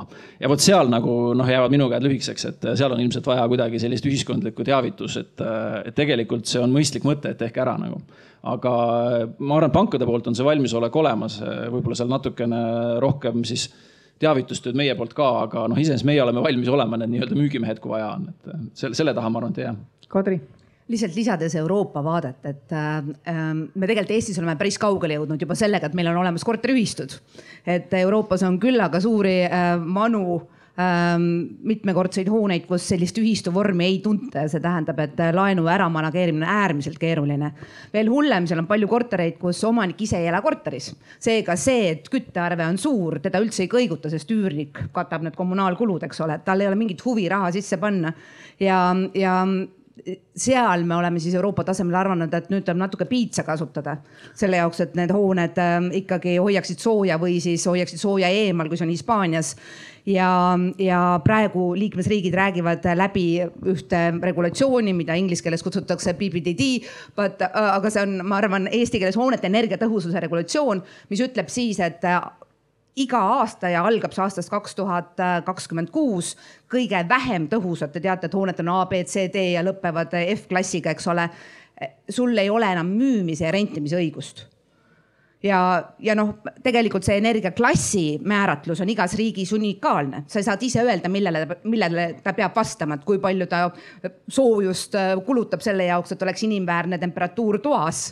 Aga fakt on see, et kui sa oled õnnetu ja juhtud elama G või F-klassis, siis sa võid kütta neli korda rohkem. Ja sul pole ikka nii mõnusat toatemperatuuri kui sellel, kes elab ähm, A-klassiga elamis, elamises see võib-olla on tõepoolest mõistlik seal, eks ole, kus, kus noh, on see müümine ja rentimine nagu oluline, aga mõeldes nüüd taaskord Narva korterelamutele, siis seal on üsna vähe tegelikult nagu see oluline. ma pisut pelgan, et see müüakse meil siin jälle negatiivselt maha, et noh, et Euroopa Liit nüüd nagu sunnib, eks ole. et, et, et ma nagu ikkagi, ikkagi otsin nagu seda lahendit, mis natuke nügiks neid ühistuid mitte seda ei-d ütlema, kui ärikaasus tegelikult on nagu, nagu olemas. ja see, et see võiks tulla kuidagi ka läbi läbi porgandi ja minu meelest Riina sai väga hea hoiatuse, et kaks tuhat kakskümmend, mis oli kuus, teeb seda meie eest Euroopa Liit, et me peame ise oma porgandi enne välja mõtlema, kui nad piitsaga tulevad, et kiireks läks praegu, ma muide seda nüanssi ei teadnud näiteks, Jaanus Siis ma ütlen nii palju nüüd mitte nii Rohetiigri esindajana, aga Ida-Viru elanikuna, et tõesti see olukord noh, päris trööstitu ei ole. et äh, Jõhvis on ikkagi kortermajasid nüüd tehtud ka ja selle koha pealt äh, tead, miks see väga hea näide on, see on selleks hea, et sa saad minna Narva korteriühistul näidata, et näed, vaata seesama Jõhvi maja seal äh, äh, selles mikrorajoonis on nüüd nihukene ja vennad tulevad ja näitavad sulle, et sul on arved sellised ees, et see oli tehtav. et esimesed näited on alati jube rasked tekkima, sealt kui nad tekivad, on hea, aga igal juhul peab ikkagi seal teatud piirkondlikud erisused tegema ka KredExi programmis. täpselt samamoodi, et seal oleksid natukene kasvõi mitte nii nobedad näpud, on ju, et oleks nobedate näppude voor ja mitte nobedate näppude voor. et see on praktiliselt vajalik ja see praktiliselt aitab kaasa ja see aitab inimesi, et äh, sest äh, nagu me nägime, need kõrged elektrihinnad viissada, üheksasada eurot megavati eest vähem tarbima ju, ju veel ei pane, sellepärast et lihtsam on saada toetust, kui midagi teha aga, aga seni, kui me harjumegi olema Eestis niimoodi, et me saame toetust ja ei tee midagi. siin ma kasutan Mardi Hääle ütlemist, et, et ettevõtjad peavad alati olema natukene paadist ees, sest siis on võimalik õnnestuda või ebaõnnestuda, aga kui nad on paadist maas, siis nad igal juhul ebaõnnestuvad nii et me peaksime katsuma olema ka inimestena natukene selles rohepöörde vallas eespool. Riina, sa tahtsid lisada? ja tahtsin lisada, et noh, tõesti nii nagu Kadri räägib, et on võimalik reguleerida seda, et eh, G ja F-klassi või, või E ja F-klassi hooneid ei saa siis eh, müüa või rentida. igasuguseid reegleid on võimalik sätestada ja samamoodi eesmärke seada, noh tõesti fit for fifty five või, või strateegilised eesmärgid, kuidas me seda rohepööret teeme aga lõpuks see taandub ettevõtete ja inimeste üksikutele otsustele, nagu Olavi kirjeldas väga äh, värvikalt seda ühistu koosolekut. et see, see, kui mina saan aru, mida on vaja teha või, või Kadri saab aru, mida on vaja teha, see on üks asi. tegelikult peavad kõik inimesed aru saama vähemalt sellest, nad, nad ei pruugi nõus olla, mõni asi ei või meeldida, aga noh, see üldine teadmine, et, et tema otsustest sõltub midagi või temal on see valik vaja teha. et noh, kas sa siis muudad oma hoone energiatõhusaks ja rendid välja. ja elus on lihtsalt nii palju otsuse kohti, noh nii inimeste kui ettevõtete puhul, me ei saa neid kõiki ära reguleerida. et tegelikult see selline üldine selline buy-in või arusaam, miks me midagi muudame. jah, on raske, jah, tähendab muutust, tähendab ümberharjumist, aga, aga see vajadusest arusaam on, on see, mida noh, ma arvan, et peavadki poliitikud sellega tegelema. Olavi tahtis sõna, mul on talle üks küsimus ka. ja ma tahan lihtsalt kommenteerida, et äh, see, mida Kadri ütles, on väga oluline, sest äh, selliseid asju jälgivad pangad ja üldse erinevad institutsioonid väga tähelepanelikult ja kui tuleb teada, et aasta kaks tuhat kakskümmend kuus enam selliseid objekte, mis iganes müüa ega välja üürida ei saa, siis pank sellistele objektidele äh, laenu enam ei anna täna. see juhtub kohe nagu see juht-. eelmiseks ikka ju annad äh, kui jah, sel juhul küll, aga noh, jällegi me jõuame sinna, et sellised asjad peavad olema päris pikalt ette nähtavad, sest muidu võib juhtuda see olukord, et äh, me tuleme oma krediidikomitees kokku, ütleme, et tõenäoliselt teevad nad järgmiseks ära selle D, C ja B-ga eluasemelaenud edaspidi ainult A-kategooriale, ülejäänud meid ei huvita. noh, ma nüüd hästi liialdan, sellist diskussiooni kunagi ei ole. aga, aga pigem on, et mis ma nagu nüüd, ma tulen pangajuhi rollist korra välja ja ma nagu mureliku kodanikuna tunnen, et meil hakkab tekkima see ühiskond, kus osad inimesed lihtsalt ei saagi endale Just. korrektset eluasemelaenu, nad Just. ei saa endale head eluaset. ja nad ongi kuskile siis nii-öelda nii-öelda laenuvaesusse sunnitud, sest Nad tahaksid elada kuskil paremas kohas, aga see, mida nad saavad lubada, on B-kategooria. sinna pangad laenu ei anna, kartes, et need ühel hetkel, need ei ole likviidsed varad enam. aga noh, et ma usun, et kuidagi me saame kõigist neist asjadest mööda, aga ma olen natuke mures, et meil hakkab tekkima sihuke stigmatiseerimine teatud varade suunas. ja noh, loomulikult mina pean hea seisma selle eest, et hoiustajatel saab iga hetkel ka raha välja maksta, nii et laenukahjumeid me väga palju tolereerida ei saa kusjuures see on päris huvitav, et, et Olavi, kes on üldse pankur ja mina, kes ma olen parem konservatiiv, eks ole, tegelikult äh, ses mõttes, et ainus erakond, kuhu ma kunagi olen kuulunud, on EPP erakond, eks ju.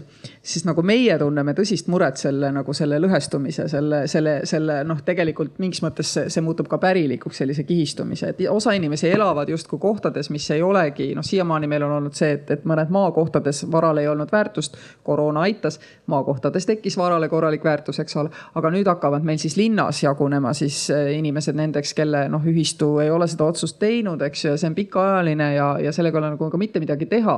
ja Eesti on siin selles mõttes jällegi keerulises olukorras, et kui noh, Saksamaal, eks ju, tõepoolest mõnes mõttes on lihtne, elamufond tegelikult ei kuulu tavaliselt inimestele endale.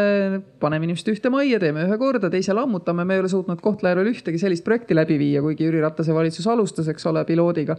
aga kuhugi me sellega nagu ei jõudnud, et meie oleme selle asja pärast väga mures, on ju. ja, ja tegelikult noh, ma arvan, et Riina, kes on ju sots, tõenäoliselt on, on selle asja pärast üsna sama palju mures või vähemasti peab olema. et, et kuidas me selle asja nüüd noh, homme lähed kontorisse, et mis me teeme, et Narvas ja siis äh, Õismäel ja kus meil on rohkem need renoveerimata elamuid, et, et see asi nagu juhtuks noh, ega noh, lühikeses perspektiivis, nii kui sa ise räägid taotlusvoorudest, et noh, eks see siis on, tähendab mingisuguseid piirkondlikku erinevusi või, või lahendusi. aga, aga pikemas perspektiivis, et, seda, et ebavõrdsus erinevates lõigetes meil ühiskonnas on väga kõrge, takistab inimese ligipääsu, on see siis teenusele või teadmisele. et, et ma arvan ka see, et, et kui palju inimesed toetavad rohepööret või, või äh, ma ei tea, elektrituru reformi või põlevkivienergeetikast väljumist võib väga vabalt olla seotud sellega, kus nad elavad või kui palju nad palka saavad. et noh, need asjad kõik on omavahel seotud ja lõpuks see taandub noh, mingi, kas sa, kas sa tunned osana ühiskonnast, kas su sõna maksab, sellisele üldisele usaldusele. ja see usaldus meil on ühiskonnas väga väike, see, see paistab küsitlusuuringutest välja ja noh, siis me olemegi olukorras, kus keegi tahab tuulikut püsti panna, oot-oot, aga kes see on mis jääb minu lähedale, ega ta midagi head ei saa plaanida. et noh, mõtlemata sellele, et aa, noh, kas on kohalik ettevõtja ja äkki siis hakkan ka odavamat energiat sa, saama.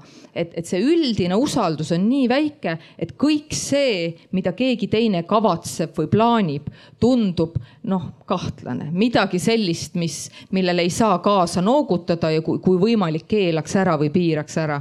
nii et noh nii et see kõik see sidususe teema, millest tegelikult on palju räägitud, noh ka sotside poolt, ta, ta ei ole kuidagi pehme või tühine või midagi, millega saab tegeleda siis, kui kõik teised asjad on tehtud, energiainvesteeringud on tehtud. see tegelikult on eeldus, et me saaksime strateegilisi otsuseid teha, sest meil on vaja jõuda üksmeelele, meil on vaja teha mingisugused kokkulepped, mis püsivad üle valitsuste. nii et noh, aga seda usaldust homse ma ei saa ühegi määrusega tekitada kahjuks. et äh, me oleme nüüd hästi palju rääkinud elamumajandusest, energiatootmisest tootmisest, aga energiamahukaid tegevusi on maailmas veel. üks nendest on ringiliikumine ja me just kuulsime seda head mõtet, et Tallinna linnas küll ei hakka edaspidi inimesed oma vanade autodega enam ringi sõitma, sõidame ainult uute autodega Tallinna linnas nagu ringi. et noh, see jällegi läheb sinna kapsaaeda, eks ole, et, et kas me mitte oma riiki niimoodi ei jaga rikasteks ja vaesteks nagu täitsa, täitsa niimoodi reeglite alusel, et aga, aga spetsialist, et, et Jaanus, mis meie energia arengukava ütles selle kohta, et kuidas me ikkagi saame ühest kohast teise, aga me saame seda nagu teha roheliselt, et mis siin meie ootused on? Komisjonile, eh, valitsusele ja loomulikult ka pankadele. Vot siin nüüd eh, Riina jutu lõpuks seda, et eh, kõigepealt peab tekkima usaldus riigi ja ühiskonna vastu. see on ideaalis väga hea ja tõesti peab tekkima, ma olen sinuga nõus, aga ma vaidlen sinuga vastu, et enne peab tekkima see ja siis saame energiaprojektidega edasi minna. et äh, te, tegelikult sa nii ütlesid. siis ei saagi. sest, sest siis, siis ma tõusen kohe püsti ja lähen siit minema ja mõtlen, et noh, jah, lähen võtan oma alupuud jälle metsast. kuule, vabandust, vabandust, siis kukkus valesti välja, et niikaua kui me usaldust ootame, vaata see tekib ainult koos tegemise ja koostöö käigus ja siis tulebki ka need valusad dialoogid või, või arutelud kogukonna tasandil pidada ja jõuda selle järelduseni, et noh, tuulikud siia või sinna, et see usaldust ei saa, ma ütlesin, määrusega ei saa tekitada. kõik need valusad vaidlused, mis võib-olla vahel lõpevad sinu jaoks siis ebameeldiva tulemusega, vahel võib-olla meeldivama tulemusega. see on see protsess, kus me seda usaldust tekitame, aga noh, me lihtsalt peame aru saama, et see ongi äh, mingis mõttes vaevaline ja ta hoiab meid tagasi. kui meil see usaldus oleks olemas varem, kui see sidusus oleks suurem, siis äh, me saaks palju lihtsamini, ma arvan, ka energia äh, osas praegu otsuseid teha ja kui sina oleksid olnud äh, näiteks majandusminister varem, siis oleks need asjad juhtunud, aga ma vastan et siis, siis oleks, siis oleks usaldus tekkinud ja kõik. õige. seda tuletas kus, kus, kuskil paneelis keegi meelde. Äh, aga vastus Kersti küsimusele äh, ja see on nagu ilma naljata, et see vastus on selline, et praegu saab riik teha seda omalt poolt et ta väga selgelt kommunikeerib, et need on need asjad, mis on tarvis teha ja need on need asjad, mida me teeme. ja, ja mitte ei fantaseeriks liiga palju selle ümber, et mitte, et me ei tegele kõigiga ja natukene ja tegeleme niimoodi segaselt, et keegi ei saa aru. et kord tegeleme vot selle energeetikaga, kord sellega, kord sellega. et ka rohepoliitika komisjon ütles väga selgelt välja sihukese esimesi asju, et prioriteetide list umbes kümmekond sihukest suuremat asja, mis me eh, lihtsalt teeme ära ja need kümmekond asja tehakse lihtsalt eh, inimestele inimestele lihtsate sõnadega ja vajalikkuse põhiselt selgeks. ja soov kuulata on praegu kaks, no ma ei tea, kakskümmend korda suurem kui eelmine suvi. sellepärast, et energiahinnad panevad kuulama. näiteks eelmine suvi, kui me seda kaarti koos koostasime, sel ajal eh, seda soovi oli palju vähem, aga praegu on väga lihtne ja selles ei ole midagi keerukat. Need asjad tuleb üles joonistada, võtta Eesti kaart, ütle siia tulevad sellised asjad sellepärast, et no selge see, et nad töö käigus natuke muutuvad, tulevad mõned keskkonnapiirangud, tulevad mõned asjad, kus noh, miskil põhjusel, mida me ette ei näinud, ei saa teha. aga kõige suurem suurema tõenäosusega me need asjad, mida me teame, et on vaja teha, on juba olemas. ja see tulebki, seda tuleb mitte nagu valetada, see tuleb eh, selgelt öelda, et need on need asjad, mis me teeme, mis te sellest arvate. ja arvatakse kõik asjad ära, paljud asjad arvatakse ära, aga siis selle asjaga me saame edasi liikuda. ja siis midagi juhtub ja, ja see tegelikult ei ole üldse keerukas lahendus Eesti puhul. aga praegu on niimoodi, et ei tea, kas tuleb siia, ei tea, kas tuleb sinna. Äh, sihuke ebaselgus, ebaselguse põhjal ongi see, see tekitab rohkem usaldamatust, aga kui sa paned selle kaardi kohe seina peal, vot, vot me teeme nii. ja me eksime, mis siis, me eksime kahekümne protsendi ulatuses seal, aga kaheksakümmend protsendi ulatuses ei eksi aga ikkagi transport, et Kadri, et tegelikult see sinu teade, et pärast aastat kaks tuhat kakskümmend kuus võib-olla ei kannata üldse müüa madala energiaklassiga kortereid, et ma arvan, see oli selle arvamusfestivali pomm tegelikult, et mis sul transpordi osas meile sarnast on, on lubada? ja tegelikult tuleb ju aru saada, et miks see nii on, sest paljud inimesed on sunnitud elama elukeskkonnas, kus tuul tuhiseb talvel põrandal, kus su aknad lasevad külma läbi ja kui sa vaatad ülesse, siis eterniitkatuse ja korstna vahel on pragu, et see on see F-klassiga maja, kus ei peaks keegi rentnikuna elama, eks ole mm. -hmm. et, et me ei lähe, me ei lähe kaheksakümnendal ehitatud Lasnamäe kallale, sest temal on kenasti oma D-klass olemas aga, aga selliseid hooneid, mida lõuna poole lähed, seda rohkem on, sest et seal ei ole külm, ebameeldivalt külm, näiteks viisteist kraadi talvel ju veel tappev. meie päris nii ei saa oma inimestega ümber käia. nüüd rääkides transpordist ähm,. Ähm, ma arvan, et äh, tegelikult äh, maailma ajalugu on tõestanud, et äh, kriisid ei lähe täielikult raisku, et nad ei ole ainult rasked nendele inimestele, kes selle kriisi peavad läbi elama, vaid sealt tuleb midagi head ka. seitsmekümnendatel Lääne-Euroopas, läänemaailmas oli suur naftakriis ähm, meie olime teises hinna, hinnatsoonis ja siin, eks ole, me võime meenutada, kuidas seitsmekümnendatel meie autod või bussid lehkasid aga, aga Lääne-Euroopas äh, see naftakriis tõi kaasa selle, et kui varem olid väikesed sõiduautod kulutanud kakskümmend, kolmkümmend liitrit sajale, siis autotööstus mõtles, et äh, nii jätkata ei saa. Ja tulid autod, mis võtavad, äh, alguses võtsid kümme, aga nüüd võtavad kuus-seitse, vähemgi. Ja, ja see on see kriisi tulem, et esimese sammuna loomulikult vähem, vähem energiat tarbivad masinad, teise sammuna geopoliitiline mõõde, et kust me saame need vajalikud materjalid, et teha elektriautodele patareisid. sest et äh, seal on jälle meie start olnud aeglasem, meil ei ole esimese liikuja edumaad. väga paljud äh, strateegilised muldmetallid äh, on teiste kontrolli all.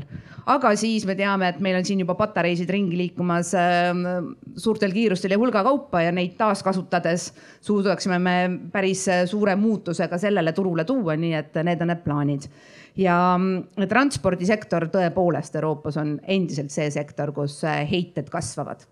Mitte midagi pole tehtud, ähm, nad ei vähene, et ähm, tõsi, maailmas on suuremaid probleeme, mis, mis heidetele ähm, lühikeses plaanis võivad nagu kahju, kahju kordades enam tuua. no seesama, tulles tagasi sõjaolukorda, kus me täna oleme, et äh, mina olen tõesti see, kes tegeleb kõigega ja, ja ka sõjaga ja kui me näeme, et Venemaa enam Euroopa äh, ettevõtetele gaasi ei müü ja tal endal on gaasihoidlad täis, siis me näeme ka seda, et nende suurte gaasimaardlate ümber on äh, metsatulekahjud ja tõenäoliselt tal lihtsalt on plaan. ja see on ka teostunud, lasta seda gaasi, mida meile ei müüda, õhku, mis siis äh, soodustab metsatulekahjusid sellise ilusa ilmaga, aga see on ka metaan ja see on äh, kasvuhoonegaasidest teine saaste ja teine väga ohtlik kliima soojenemise allikas. nii et äh, selliseid raiskamisi tuleb ka seisma panna ja tõepoolest Riinaga nõus, kõigiga nõus, et, et kõige selgem viis äh, sellistele hoolimatustele lõpp peale panna on aidata Ukrainal sõda võita et väidetavalt, kui me mobiiltelefone kaevandaksime, siis me saaksime sealt kulda ja muid metalle rohkem kui neid vastavatest maakidest kaevandades, et, et ma olen ka seda, seda juttu nagu kuulnud. Et minu meelest siin ei saa Eestil olla nagu üksi noh, päris head plaani, et see transport, no nii kui liigud, oled ju siit riigist läinud, eks ole, et, et see selgelt saab olla ainult Euroopa noh, plaan. aga, aga ma arvan, et, et lihtsalt see teadmine, et, et seitsmekümnendatel juhtus nii, ütleb meile, et tõenäoliselt kuidagi reageeritakse, aga kas teil on mingisugune nagu see noh, millist poliitilist riski te kavatsete meile põhjustada, ütleme siis selles osas? Reageeritakse küll ja tegelikult äh, mõistlik on hoida Euroopa ühte suurt tugevust, see on ühine turg. et meil kahekümne seitsmel on samad reeglid. me nägime, et erinevates liikmesriikides, kus on kõva autotööstus, hakati juba vaatama seda eesmärki, et äh, mis aastal võiks siis olla nii, et sisepõlemismootoriga autod enam äh, turule ei tule ja seetõttu tõepoolest Euroopa ülene ettepanek on see, et uusi sisepõlemismootoriga autosid ühest teatavast aastaarvust enam Euroopas ei müüda. see ei tähenda, et see, kui sa juhtud olema uhke, ma ei tea, uunikumi omanik või isegi seni sõitva diiselauto omanik, et see sul koheselt romulasse saadetakse, lihtsalt uued ei tule enam turule ma ise just igaks juhuks ostsin ühe uue diisli, et vaata, et kui ära keelavad, et siis enam ei saa. ma kardan, et väga paljud inimesed võivad niimoodi, niimoodi reageerida. jah Aga... Äh,, lühikeses plaanis võib olla probleem, sest et kust tuleb diisel? ja Olavi ma lihtsalt meenus äh, aasta kaks tuhat seitseteist, kui ma olin just riskijuhina tagasi tulnud Rootsist ja olin Eestis ja äh, ma elasin kogu aeg Eestis, aga ma töötasin Rootsi heaks ja see oli täpselt see hetk, kui Euroopas hakkas päris mitu linna tegema reegleid, et diislid ei tohi kesklinna sõita enam. Ja need tsoonid on äh, täiesti levinud ja ma usun, et siit, siit tänased kuulajad kindlasti paljud teavad. Äh, riskijuhi käitumine selles olukorras, selge, äh, palun panna käima raport. Korra kuus, kuidas Saksamaal kasutatud autode diislihinnad muutuvad. Tagamaks, et me ei võta seda riski, et meil jääb ühel päeval kätte hunnik diiselautosid, mida mitte keegi Euroopas enam ei taha mida see tähendas? Äh, veidikene muutsime diiselautode tagasiostu väärtust, mis tähendab, et diislite kuumakse Eestis läks üles sellepärast, et keegi Londonis või, või ka ma ei tea, mõnes muus Euroopa linnas võttis vastu reegli, et äh, kesklinna diisliga ei tule et tegelikult need asjad mõjutavad meid rohkem võib-olla, kui me näeme ja ma usun, et enamus inimesi ei pannud seda tähelegi, et diiselautodele nüüd enam nii kõrgeid jääke ei lubata jätta. aga noh, see oli siis pankuri reaktsioon sellele, kuidas äh, ühiskonnas reegleid tehakse ja ma, ma väidan, et seesama, mis sa ütlesid, juhtub ka teiste autodega, et me jälgime kogu aeg, et kus see tähendab, et ühest hetkest need pole lubatud, siis no nende autode liisida võid, aga tagasiostuväärtus on null, et sa pead nulli ära amortima ja vaata ise, mis sa taga siis teed. et noh, need mõjutavad tegelikult nagu läbi finantssektori me mõjutame ka inimeste käitumist. kuigi võib-olla ka vastupidine, et kuna neid enam uuena turule ei tule, siis hämmastusega avastad, et sinu viis aastat vana auto ei ole üldse väärtust kaotanud. Jah, aga see on siis juba, ma ütleks nagu nende ühiskondlike kokkulepete küsimus, et äh, kuidas me siis äh, ja mida me lubame nende autodega teha, et ma lihtsalt tahtsingi ennem öelda, et see Kersti tõi siin hea dilemma välja, et äh, et selleks, et oleks inimestel motivatsioon äh, rohepöördega kaasa tulla, peab energia hind olema kõrge. aga hetkel lühiajaliselt me oleme kuidagi läinud seda teed, et teha kõik endast olenev, et äh, energia hind oleks võimalikult madal nüüd sellel talvel, et noh, me olemegi teatud dilemmas, et sihuke catch twenty two, ma ei teagi, mida siis nüüd teha, et, et. et inimestel ikkagi säiliks see motivatsioon mõelda nendele küsimustele, et, et noh, noh ka ettevõtjatele, et noh ei saa lõputult kompenseerida, peabki olema kallis, siis liigutame. aga see on väga valus. nüüd kohe varsti saab meie publik ka küsida, aga, aga ma küsin, kui sa juba rääkisid sellest mehhanismist, sellest pankuri mõtlemisest selles asjas, et ma, ma söön oma mütsi ära ja karvase ja talvise, kui sellel arvamusfestivalil kolme päeva jooksul mitte keegi ei ütle, et, et no näete, nüüd me oleks pidanud ehitama veel ühe Auvere jaama kui, kui homme tuleb Riina sinu juurde projektiga, et me ehitame nüüd ühe uue põlevkivielektrijaama saab raha või ei Ega saa? päris uskumatuid küsimusi ei pare-. no lihtsalt noh, ma, ma tean, milline on vibe, ma tajun seda siin õhus, et ja, ja, ja sa tead väga hästi, Riina, et, et see tõenäoliselt ma ei pea seda karvast mütsi sööma, mingit vajadust ei ole ja, vist võime tervitada ühte kuulajat, ma näen seal üleval reas, et äh, aga, aga tegelikult see nüüd sa puudutasid päris valusat teemat. Äh, pankadel on omanikud minul on Skandinaavia omanik, kes on äh, oma kliimapositsiooni üsna detailselt kirja pannud ja see kliimapositsioon äh, on järjest välistanud keskkonda saastavaid tehnoloogiaid, me ei finantseeri neid, meie investeerimisfondid ei investeeri sinna. ja seal on tegelikult olnud äh, sihuke kardinate taga, ma arvan, viimased viis aastat heitlus meil, et me põlevkivi veel ei välista äh,. omanik väga tahaks, ammu juba aga me oleme siis mänginud nagu sellist äh, natuke ka võib-olla nagu pooljuhuslikult, aga siiski ka seda julgeolekukaarti, et meil tegelikult ikka Eesti riigina peab olema ka võimekus ise nagu opereerida. ja me ei saa päris nagu niimoodi pangana ühiskonnale selga keerata aga sellel aastal jõudis see siis see lõpule ja tegelikult on meil äh, põlevkivi teatud määral nagu välistus, on siis nüüd omaniku poolt sees. et äh, ja see on nüüd see koht, kus öeldakse, et äh, kapitalist on õudne inimene ja ta mõtleb ainult kasumile, ei mõtle. kui sul on selline omanik nagu rootslane, siis ta mõtleb ka sellele, et see hullunud Eesti pankur ei annaks raha millelegi, mis võib Eesti, Eesti keskkonda kahjustada. et noh, ma lihtsalt ütlen, et tegelikult siin neid dünaamikuid on rohkemgi veel. uue Auvere osas tõenäoliselt tuleb siis minna Swedbank AB board of directors siis erandit küsima, aga ma ei välista seda. et äh, ma, ma siiski, äh, ma küünilisem, ma oleks siiski küünilisem kui sina, et minu arvates sinu Rootsi omanik lihtsalt usub seda, mida Kadri ja teised räägivad. ja sellepärast ta ei luba sul sinna põlevkivielektri asja investeerida, sest seda raha ei ole enam järelejäänud aja jooksul võimalik tagasi lihtsalt, lihtsalt teenida, et, et see on pigem nii. aga äkki on meie publikul ka küsimusi, et äh, olge head, et ma pean seda küll kordama, näha mikrofon liigub, siis ei pea kordama. et küsige teie ka.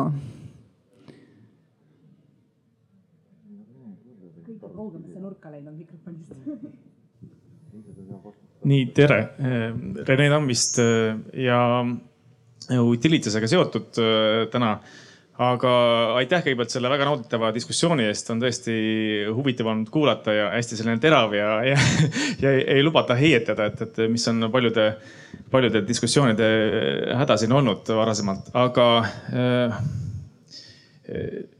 nüüd, et kus ma tahtsin oma siis mõttega sisse tulla, on see, et, et Äh, ettevõttena me täna arendame ja ehitame tuuleparke ja, ja teisi taastuvenergia võimsusi ka Lätis ja Leedus. Ja mis äh, nüüd juhtus äh, Lätis ja Leedus peale sõja algust, oli see, et, et poliitikud mobiliseerusid ja, ja pandi käima kogu riigi masinavärk, et, et siis võtta vastu muudatused regulatsioonides muuta kardinaalselt seniseid lähenemisi ja, ja, ja poole aastaga suudeti tegelikult äh, kogu regulatiivne keskkond selliselt ümber pöörata, et oleks võimalik väga kiiresti teha uusi tootmisvõimsusi. et, et võtta seda poliitilist riski maha, millest Olav siin rääkis. ja, ja, ja tõesti väga kardinaalselt tehti asju ümber ja, ja nüüd ma kuulasin siin kella kahe ajal ühte diskussiooni, kus Eesti erakonnad olid esindatud ja kus räägiti siis ka kliimaneutraalsusest aastani kaks tuhat viiskümmend. ja, ja mind tegi natukene murelikuks see, et, et äh, puudus igasugune selline sense of urgency, et, äh, et, et meil on aega küll ja, ja isegi sellest, sellest hoolimata, et meil on täna sõda käimas äh, Euroopas, siis see nagu ei paistnud kedagi häirivat, et, et kuidas seda sense of urgency't meil tekitada siis otsustajate hulgas Riina, õnneks pead sina vastama, sest sina oled otsustaja ja Kadri ka. ju ma pean kõvema häälega sellist hädakisa ikka tegema, aga, aga muidugi Rene küsimus oligi väga õige. sellel ajal, kui Läti ja Leedu muutsid oma regulatsioone, meie vahetasime valitsust. noh, õnneks kõik see, mida nemad tegid, kõik see fantoomliitumistest lahti saamine ja kõik, noh, ta koalitsioonileppesse sai kirja ja noh, mina töötan selle nimel, et see oleks võimalik järgmise kaheksa kuu jooksul ära teha. et me jõuaksime vähemalt Lätile ja Leedule eh, noh, kandadele. sest no lisaks sellele, et, et noh, keskkonna mõttes on seda vaja, ega see noh, rahvusliku uhkuse küsimus ka, me ei saa neist väga palju maha jääda. Kadri teeb nägu, et tema ei ole poliitik, mina olen õnneks moderaator Jaanus mina, mina ka ei ole poliitik, aga, aga, aga seda, aga seda eh, eh, regulatsiooni muutusi ette võtta saab küll kohe ehk siis täna. Eh, ja eelmises diskussioonis mulle kõik muu meeldis, välja arvatud see, kui Kristi Klaas ütles, et need ettepanekud, mis rohepoliitika komisjon tegi aprillis, me siis sügisel tuleme nendega valitsusse. sellest ma küll ei saanud aru, miks mitte homme on ju tegelikult ka ei saanud aru, aga noh, see ei ole küsimus praegu siia. järgmisel istungil on elektrituru reform ja see elektrituru reformis on see, see, ta on, ta on tore küll, aga seal on see pisike asi, et te teete selle universaalteenuse ja selle läbi kõik saavad suhteliselt kalli elektri omale, mis on põlevkivielekter. mis ei ole taastuvelekter ja mis põhineb paraku just nimelt põlevkivielekter, et te kõik teaksite, ma arvan, et siin publik enamus teab seda. nii et ärge ostke universaalpaketti ja teine asi on see, et universaalpakett kaotab igasuguse idee ära energiat säästa või oma tarbimist juhtida, ehk siis targad lahendused, mis võiksid olla eh, teile tulevikus kasulikus, sellele tõmmatakse paraku joon peale. see on natukene nagu hädaabi, aga natukene nagu kehv hädaabi. et eh, reforme tuleb teha kiiresti, see on hea, eh, aga põlevkivipõhist universaalelektrit ärge ostke ja, ja noh, lisaks taas kordame seda, et seadusega loome võimaluse fikslepingutest väljumiseks ja, ja poliitiline realise risk realiseerub nii nagu teise samba puhul et äh, Kadri, et ähm, ma tegelikult meelega arvan, et ongi hea, kui sa teed siin nagu, et sa ei ole poliitik, sest viimane asi, mida meil vaja on, on see, et meie see, ütleme, see pinge selles osas põhineb sellele, et Euroopa Liit jälle käskis.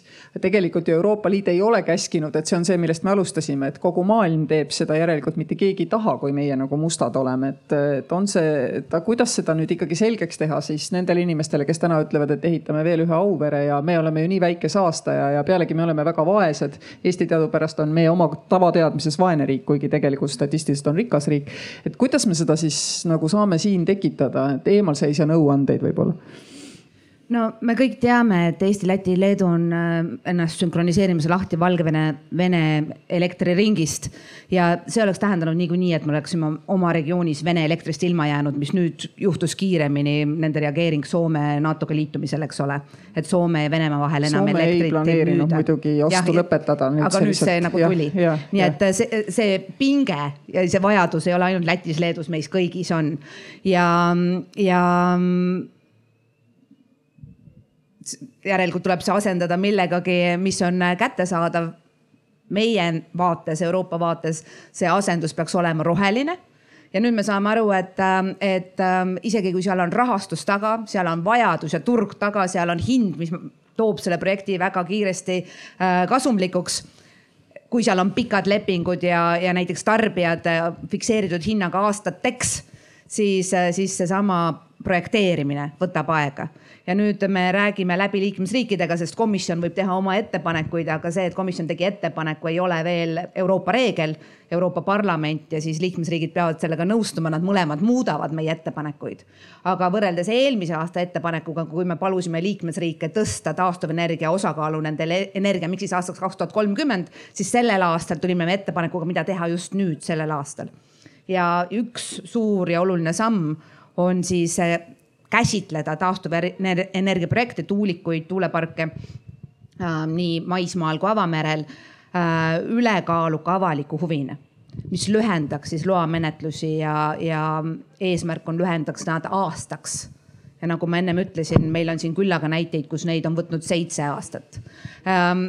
mõneti see tähendab ka seda, et me peame ähm, kergendama Euroopa enda tekitatud äh, nõudeid aga, aga mis on alternatiiv? et mis see alternatiiv on, et alternatiiv on siis see, et kaotasime, kaotasime ühe väga domineeriva kaubanduspartneri ja asendame siis seda käe, käepäraste vahenditega, mis, mis ei ole rohelised. sa ennem tegid mürgise märkuse ka selle üle, et Euroopa Liit ütleb, et osa gaasiinvesteeringuid on rohelised see oli vajalik selle jaoks, et ka need usaldusväärsed gaasitarnijad, kes praegu meid aitavad sellel kümnendil äh, osaliselt Venemaa ähm, turult kadumisest välja Äh, peavad tegema investeeringuid. ei, minu aga... probleem ei olnud see, minu probleem oli see, et siis te seda muutsite ja, ja ütlesite, et aga hoppa, nüüd ei ole. ja, ja siis, et osadel veel ei ole, et nendel, kellel on söejaam kinni panna, et nende jaoks gaas ei ole pruun, on ju, et, et see oli see minu probleem, aga isegi lihtsalt näitena, et noh, poliitiline risk on poliitiline risk on ju. ma, ma, ma olen realist, ma saan aru, et see on. vabandust, kui sa solvusid. jah, ei, ma ei solvunud, et lisaks gaasile me katsime ka tuumaelektrijaamad, sest et äh, eeldus on see, et äh, nad jäävad nii mõneski riigis ka peale kahe tuhande viiekümnendat käiku ja parem oleks saada nende rahastamiseks ja nende eluea pikendamiseks erainvesteeringuid selle jaoks, et riigid omaenda eelarvet saaksid panna projektidele, mis ei ole veel turukõlbulikud. Äh, nendele pilootprojektidele, aga ka ääremaade majade renoveerimisele, mis ei ole turukõlbulikud ja mis ilma väga tugeva ähm, riigipoolse või siis avaliku ähm, toetuseta tegelikult ei materialiseeru et meie aeg läheb hästi kiiresti ja kuna kõik ei jõua ilmselt oma küsimusi ära küsida, siis ma küsin nüüd hoopis kõigi käest, et olge kenad ja tõstke käsi, kes arvavad, et Eesti, Eesti tulevik siiski on äh, seotud roheenergeetikaga ja et, äh, et see on igati mõistlik, praktiline ja isegi noh, ainumõeldav plaan väljuda sellest äh, pruunist energeetikast, et tõstke kõik käed, kes nii mõtlevad. nii ja siis ma, ma ise ka muidugi unustasin käe tõsta et äh, ma ei palu seda, seda teist kontingenti, sest nad oleksid selles äh, seltskonnas siin ilmselgelt nagu vähemuses. ehk et mulle tegelikult tundub, Riina, et, et poliitikuna ja ka Kadri ja teised, kes kavatsevad valimistel osaleda. Rene, ma vist ei kavatse praegu, et kes kavatsevad seda teha, mulle küll tundub, et tegelikult on see noh, see arusaam on nüüd olemas ja kuigi see on võtnud meil võib-olla kauem aega kui nendes riikides, kus on noh tugevad rohelised liikumised, aga nüüd tegelikult täna ikkagi valija tellib ka seda rohepööret, et mulle tundub, et, et vähemasti meie publikuga on see, on see niimoodi. ja noh, nagu me aru saame, siis valija tellib pangaomanik tellib, noh, ütleme, riik on nõus, Rohetiigril koos energiaettevõtetega on plaan, kuidas seda kõike teha. ja Euroopa Liit toetab ja aitab ka nii palju, kui saab, kuigi noh, ma ikkagi loodan, et me saame neid, neid mitte ainult riigiabi reeglite järgi riigiabi anda, vaid me saame ka mingisuguse ühise pool'i, ühise paketi, kus me siis saame, saame võistelda tegelikult investeeringutes sakslaste, prantslaste, itaallastega, sest me oleme lihtsalt väga väikesed. et, et mulle tundub, et on nii ja meie nullhüpoteesid, et et, et rohepööre to peab toimuma vaatamata geopoliitilise olukorra muudatusele. et energeetikasse tuleb nagunii investeerida, sest et ega siis muutuvkulude pealt ei saa nagu lõputult neid vanu jaamu, jaamu kasutada. et need on, need on selgelt nagu tõestatud, et keerulisem minu jaoks jäi siit täna kõige keerulisem küsimus on endiselt seotud selle olulise äh, renoveerimise ja hoonete energiatõhususe valdkonnaga. kuidas seda teha nii, et me, et see, et see jõuaks pigem nendeni, kellel on seda väga väga vaja, kellel samas on väga väike noh, ütleme kalduvus tulla ja kiiresti, kiiresti nõuda, et kuidas sellest nobedate näppudega voorust väljuda. ja siit mulle jäi kõrva, et Olavi ütles, et nemad on nõus seda müügitööd tegelikult tegema, et seda ma arvan, me ütleme Lauri Lugnal edasi seal KredExis ja, ja siis, et just, et, et, et Lauri, et kasuta see ära, me peame kortermajadele need standardlepingud tegema, tegema ja viima. ja Riina lubas ka seda, et kui nüüd hüdropumpla või siis ma tean, et Utilitasel on vesinikutehase ja need plaanid, et ja veel need mõned suured, millest Jaanus rääkis et kui nemad tahavad saada valitsuselt noh otsegarantiisid, siis see ei ole tingimata siin riigis ikkagi välistatud ja, ja Kadri vaatab seda, et me saaksime siis ka riigiabi loa. ehk mulle jäi praegu selline mulje, et rohepööre Eestis võiks toimuda.